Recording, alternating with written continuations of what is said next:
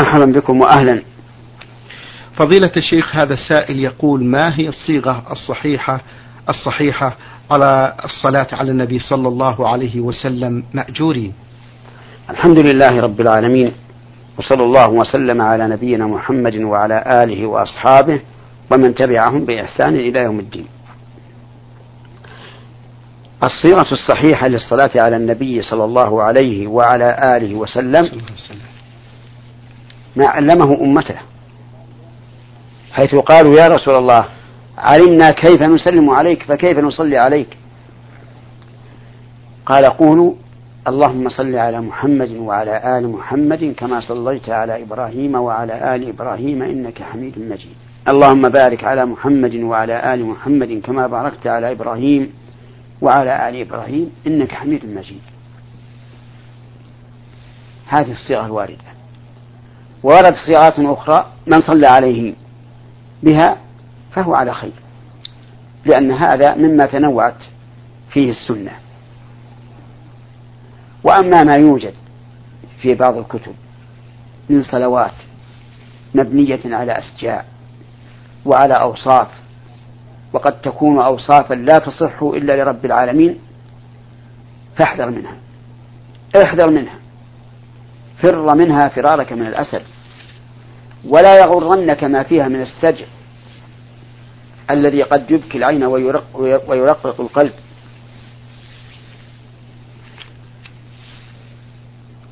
عليك بالأصيل والأصول ودع عنك هذا الذي ألف على غير هدى وسلطان نعم جزاكم الله عنا وعن المسلمين خير الجزاء يقول هذا السائل رجل جاء إلى المسجد في صلاة العصر فوجد الصف قد اكتمل فصلى وراء الصف فنصحناه بأنه كان يجب عليه أن يدخل في الصف ولكننا بصراحة لسنا متأكدين فما هو الصحيح في ذلك وماذا يجب على من صلى وراء الصف منفردا مع الدليل نعم آه، من صلى خلف الصف منفردا لأن الصف مكتمل فلا شيء عليه صلاته صحيحة وهو مأجور لقول الله تبارك وتعالى فاتقوا الله ما استطعتم أما إذا كان الصف غير مكتمل فعليه إعادة الصلاة لقول النبي صلى الله عليه وسلم لا صلاة لمنفرد خلف الصف ولأنه رأى رجلا يصلي خلف الصف منفردا فأمره أن يعيد الصلاة هذا الذي قررناه هو القول الراجح نعم. أن صلاة المنفرد خلف الصف صحيحة إذا كان الصف الذي أمامه مكتمل وأما من قال إنه يتقدم فيصلي مع الإمام فقوله ضعيف لأننا إذا قلنا بهذا خالفنا السنة في انفراد الإمام في موقفه نعم هذه واحد ثانيا قد يؤدي هذا إلى تخلل الصفوف ولنفرض أن خلف الإمام خمسة صفوف وهذا لم يجد فيها مكانا نقول تخطى هذه الصفوف كلها حتى تأتي الإمام فيه إيذاء للناس وقد رأى, رأى النبي صلى الله عليه وعلى آله وسلم رجلا يتخطى الناس فقال اجلس فقد آذيت ثالثا إذا قلنا بهذا وجاء آخر بعد أن تقدم هذا للإمام قلنا تقدم للإمام صاروا كم ثلاثة لا. نعم. وهذا غلط ثم يجيء رابع ويقول تقدم صاروا أربعة ثم ربما يكونون صفا تاما مع الإمام وعلى كل حال فلا دليل على أنه يذهب إلى أن يقف مع الإمام والقول بهذا قول ضعيف فإن قال إنسان قال يجلب واحدا قلنا هذا أضعف لأنه إذا جلب واحدا أساء إليه بتأخيره من المكان الفاضي إلى المفضول وشوش عليه صلاته وفتح فرجة في الصف وأوجد ضغينة في قلب هذا الرجل المجذوب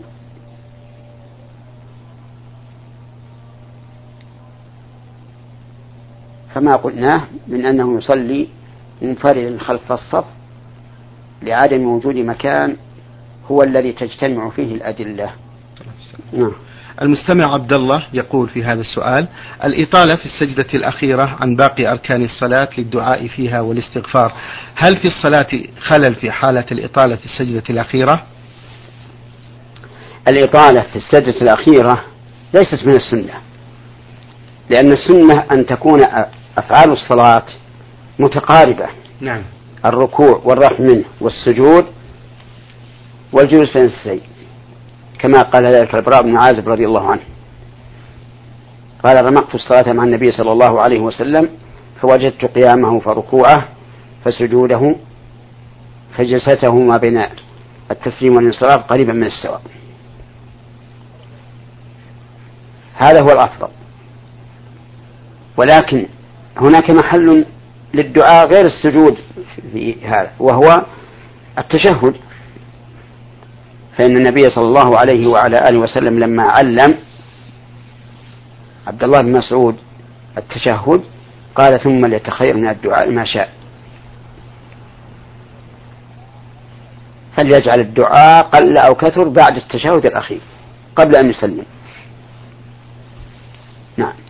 جزاكم الله خيرا يقول خرجنا في رحلة من القصيم إلى حائل وسكننا في شقة بجوارها مسجد عند صلاة الفجر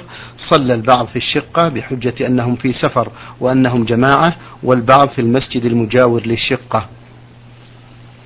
يعني في إيش فأيهما أصح الأصح الذي يصلي في المسجد بل يجب أن يصلوا في المسجد ما دام المسجد مجاورا ما دام المسجد مجاورا لهم ولا مشقة عليهم فيه فالواجب أن يصلوا في المسجد وأما ما يتوهمه بعض الناس من أن المسافر لا يصلي في المسجد لأنه يقصر فهذا غلط فإن صلاة الجماعة واجبة على المسافر والمقيم وعلى هذا فيجب على المسافر أن يذهب إلى المسجد ويصلي مع المسلمين اللهم إلا أن يكون المسجد بعيدا يشق عليه الوصول إليه فحينئذ يصلي جماعة مع أصحابه نعم هذا السائل يستفسر عن آيات مباركات في سورة البقرة في قوله تعالى ثم أفيضوا من حيث أفاض الناس واستغفروا الله إن الله غفور رحيم فإذا قضيتم مناسككم فاذكروا الله كذكركم آباءكم أو أشد ذكرا فمن الناس من يقول ربنا آتنا في الدنيا وما له في الآخرة من خلاق ومنهم من يقول ربنا آتنا في الدنيا حسنة وفي الآخرة حسنة وقنا عذاب النار أولئك لهم نصيب مما كسبوا والله سريع الحساب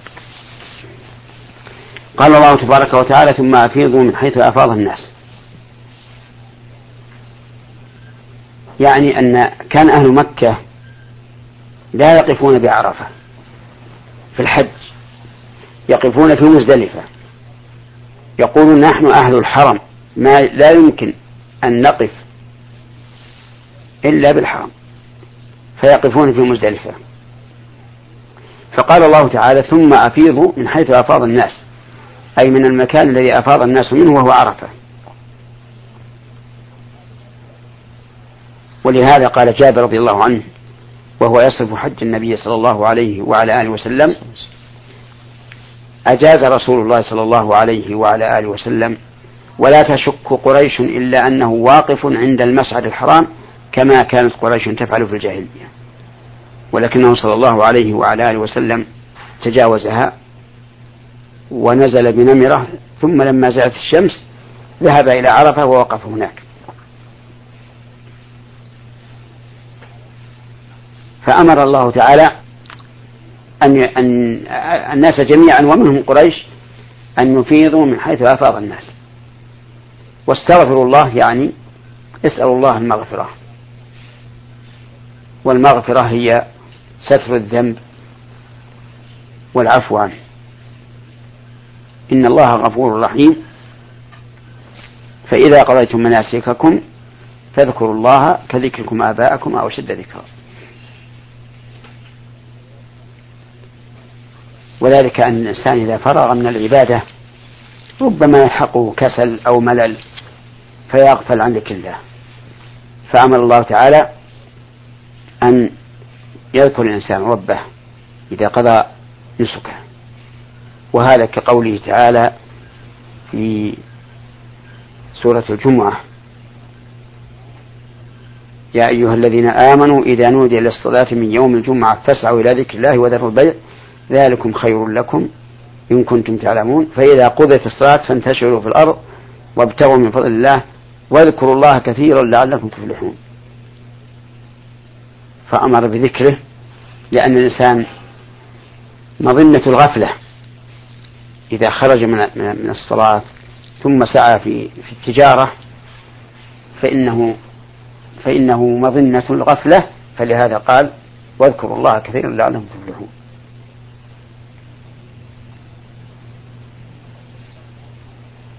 ثم قسم الله تعالى الناس إلى قسمين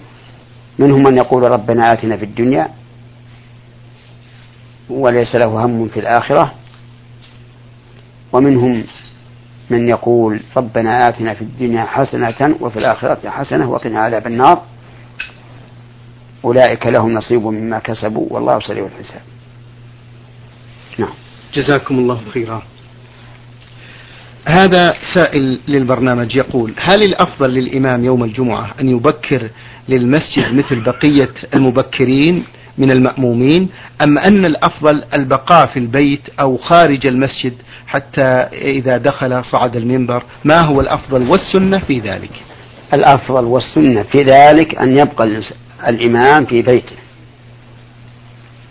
أو في أي مكان وأن لا يحضر إلى المسجد إلا عند حضور وقت الصلاة هذا هدي النبي صلى الله عليه وعلى آله وسلم ولا ينبغي العدول عن هدي النبي صلى الله عليه وعلى آله وسلم لمجرد استحسان الإنسان للشيء فالإمام الذي يبقى ولا يأتي إلى المسجد إلا إذا جاء وقت الصلاة أفضل من الذي يتقدم و يحضر مبكرا نعم حفظكم الله يقول السائر ما حكم ختم آه، خطبة الجمعة دائما بالآية الكريمة إن الله يأمر بالعدل والإحسان إلى آخر الآية الكريمة الأفضل أن لا يديم ذلك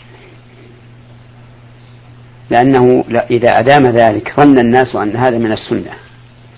وليس هذا من السنة وقد قيل إن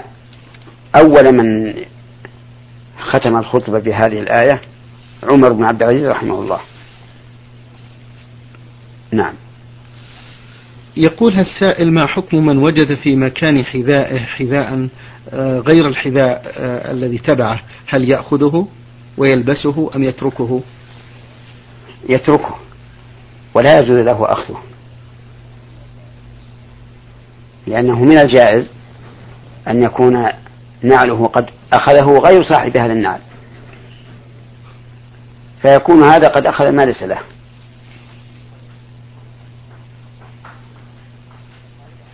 آه، نعم قال بعض العلماء إذا كان النعلان متشابهين أعني نعله والنعل الذي بقي فهنا لا حرج أن يأخذه لأن ظاهر الحال أن صاحب النعل قد غلط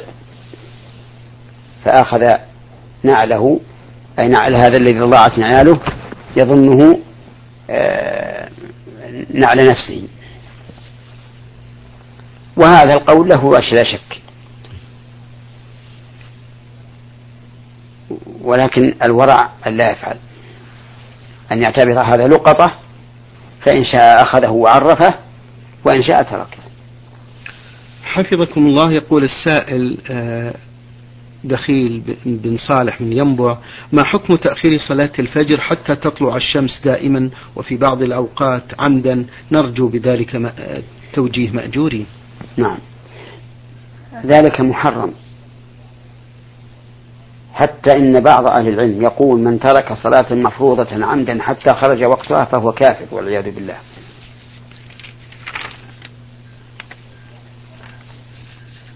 وإذا أخرها عمدا حتى خرج وقتها لم تقبل منه ولو صلى ألف مرة نعم. لقول النبي صلى الله عليه وعلى آله وسلم من عمل عملا ليس عليه أمرنا فهو رد أي مردود عليه فعلى المرء أن يتقي الله عز وجل في نفسه وأن لا يضيع وأن لا يضيع الصلاة فيدخل في قوله تعالى فخلف من بعدهم خلف أضاعوا الصلاة واتبعوا الشهوات فسوف يلقون يلقون غيا إلا من تاب وآمن وعمل صالحا فأولئك يدخلون الجنة ولا يظلمون شيئا ولا يظلمون شيئا نعم جزاكم الله عنا وعن المسلمين خير الجزاء السائل سالم سليم من شمال سيناء يقول عندنا جماعة يقولون بأن الله في كل مكان بذاته ونقول لهم ليس الأمر كذلك إن الله في السماء ونقول لهم الرحمن على العرش استوى ولم يقتنعوا بقولنا ومصرون على ما هم عليه السؤال هل هم كفار وهل يلحق بهم من اتبعهم وهم على جهل أم ماذا يقال عنهم وأنا قرأت في بعض الكتب بأن شيخ الإسلام ابن تيمية رحمه الله يقول أنا لو قلت بمقالتكم كنت كافر وأنتم عندي لا تكفرون لأنكم جهال فما القول الصحيح في هؤلاء مأجورين آه، القول الصحيح في هؤلاء كما قال شيخ الإسلام رحمه الله إذا كانوا جهالا فإنهم لا يكفرون وأما إذا كانوا عالمين بأن الله في السماء ولكنهم استكبروا وأبوا إلا أن يقولوا أنه في الأرض فهم كفار ولا يخفى أنه يلزم على هذا القول لوازم باطلة جدا جدا لأنك إذا قلت إن الله بكل مكان لازم من هذا أن يكون في المراحيض والعياذ بالله والحشوش والمواضع والأماكن القذرة ومن يصف ربه بهذا نعم. لا يمكن لمؤمن أن يصف ربه بهذا أبدا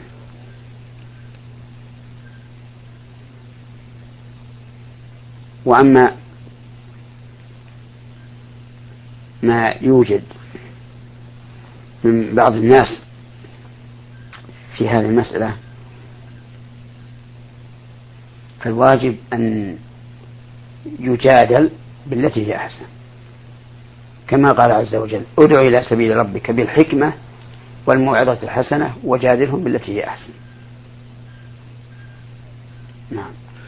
في سؤال لهذا السائل يقول فضيلة الشيخ بعض الناس يقولون يا شيخ فلان يا شيخ فلان والشيخ هذا ميت وحينما نقول لهم بأن هذا لا يجوز يقولون نحن لا نقصد دعاء ذلك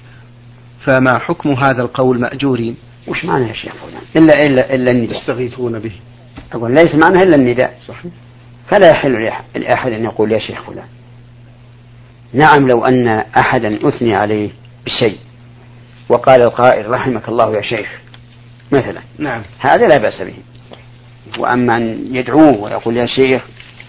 أنجني من كذا يا شيخ أعطني كذا فهذا شيء أكبر والعياذ بالله أحسن الله إليكم هذه السائلة مريم ميم عين المملكة العربية السعودية تقول اعتدت آه، آه، كل ليلة يا فضيلة الشيخ قبل أن أنام أن أصلي أربع ركعات أقرأ فيها حزبا من القرآن الكريم ثم أتبعها بثلاث ركعات للوتر ولكن في بعض الأحيان أقول لنفسي قد يكون هذا العمل بدعة محدثة رغم أني أصلي وأنا لا أقصد إلا قيام الليل وختم القرآن فما رأي فضيلتكم في صلاتي هذه هل أستمر على وضعي هذا أم لا لا بأس لا بأس لا بأس بهذا و... و... لأن قيام الليل يرجع إلى الإنسان نفسه نعم. إن كان نشيطا أكثر من العدد وطول وإن كان كسلان اقتصر على ما يقضي عليه جزاكم الله خير ما رأي فضيلتكم تقول السائلة فضيلة الشيخ في استخدام هذه الصيغة عند الدعاء اللهم إني أسألك باسمك الطيب الطاهر المقدس المكنون المخزون هذا هذا بدعة ولا ولا يدعى به بل يقال يا حي يا قيوم يا منان يا بديع السماوات والأرض يا عالم الغيب والشهادة وما أشبه ذلك مما جاءت به السنة وأما هذه الصيغ المحدثة فالحذر الحذر منها نعم. في السؤال الثالث لها تقول في كتاب آه، حسن المسلم دعاء للنبي صلى الله عليه وسلم عند لقاء العدو كقوله عليه السلام اللهم أنت عضدي وأنت نصيري بك أجول وبك أصول وبك أقاتل فأنا أستعمل هذا الدعاء وما يشابهه عند الاختبار فهل علي شيء يا فضيلة الشيخ الأحسن أن تقول اللهم لا حول ولا قوة إلا بك اللهم فأعني على هذا وما أشبه هذا لأن هذا مو مقابلة عدو هذا امتحان واختبار ما. ليس مقابلة عدو أحسن الله إليكم وبارك الله فيكم وفي علمكم ونفع بكم الإسلام والمسلمين أيها الإخوة والأخوات أجاب عن أسئلتكم فضيلة الشيخ محمد بن صالح بن أثيمين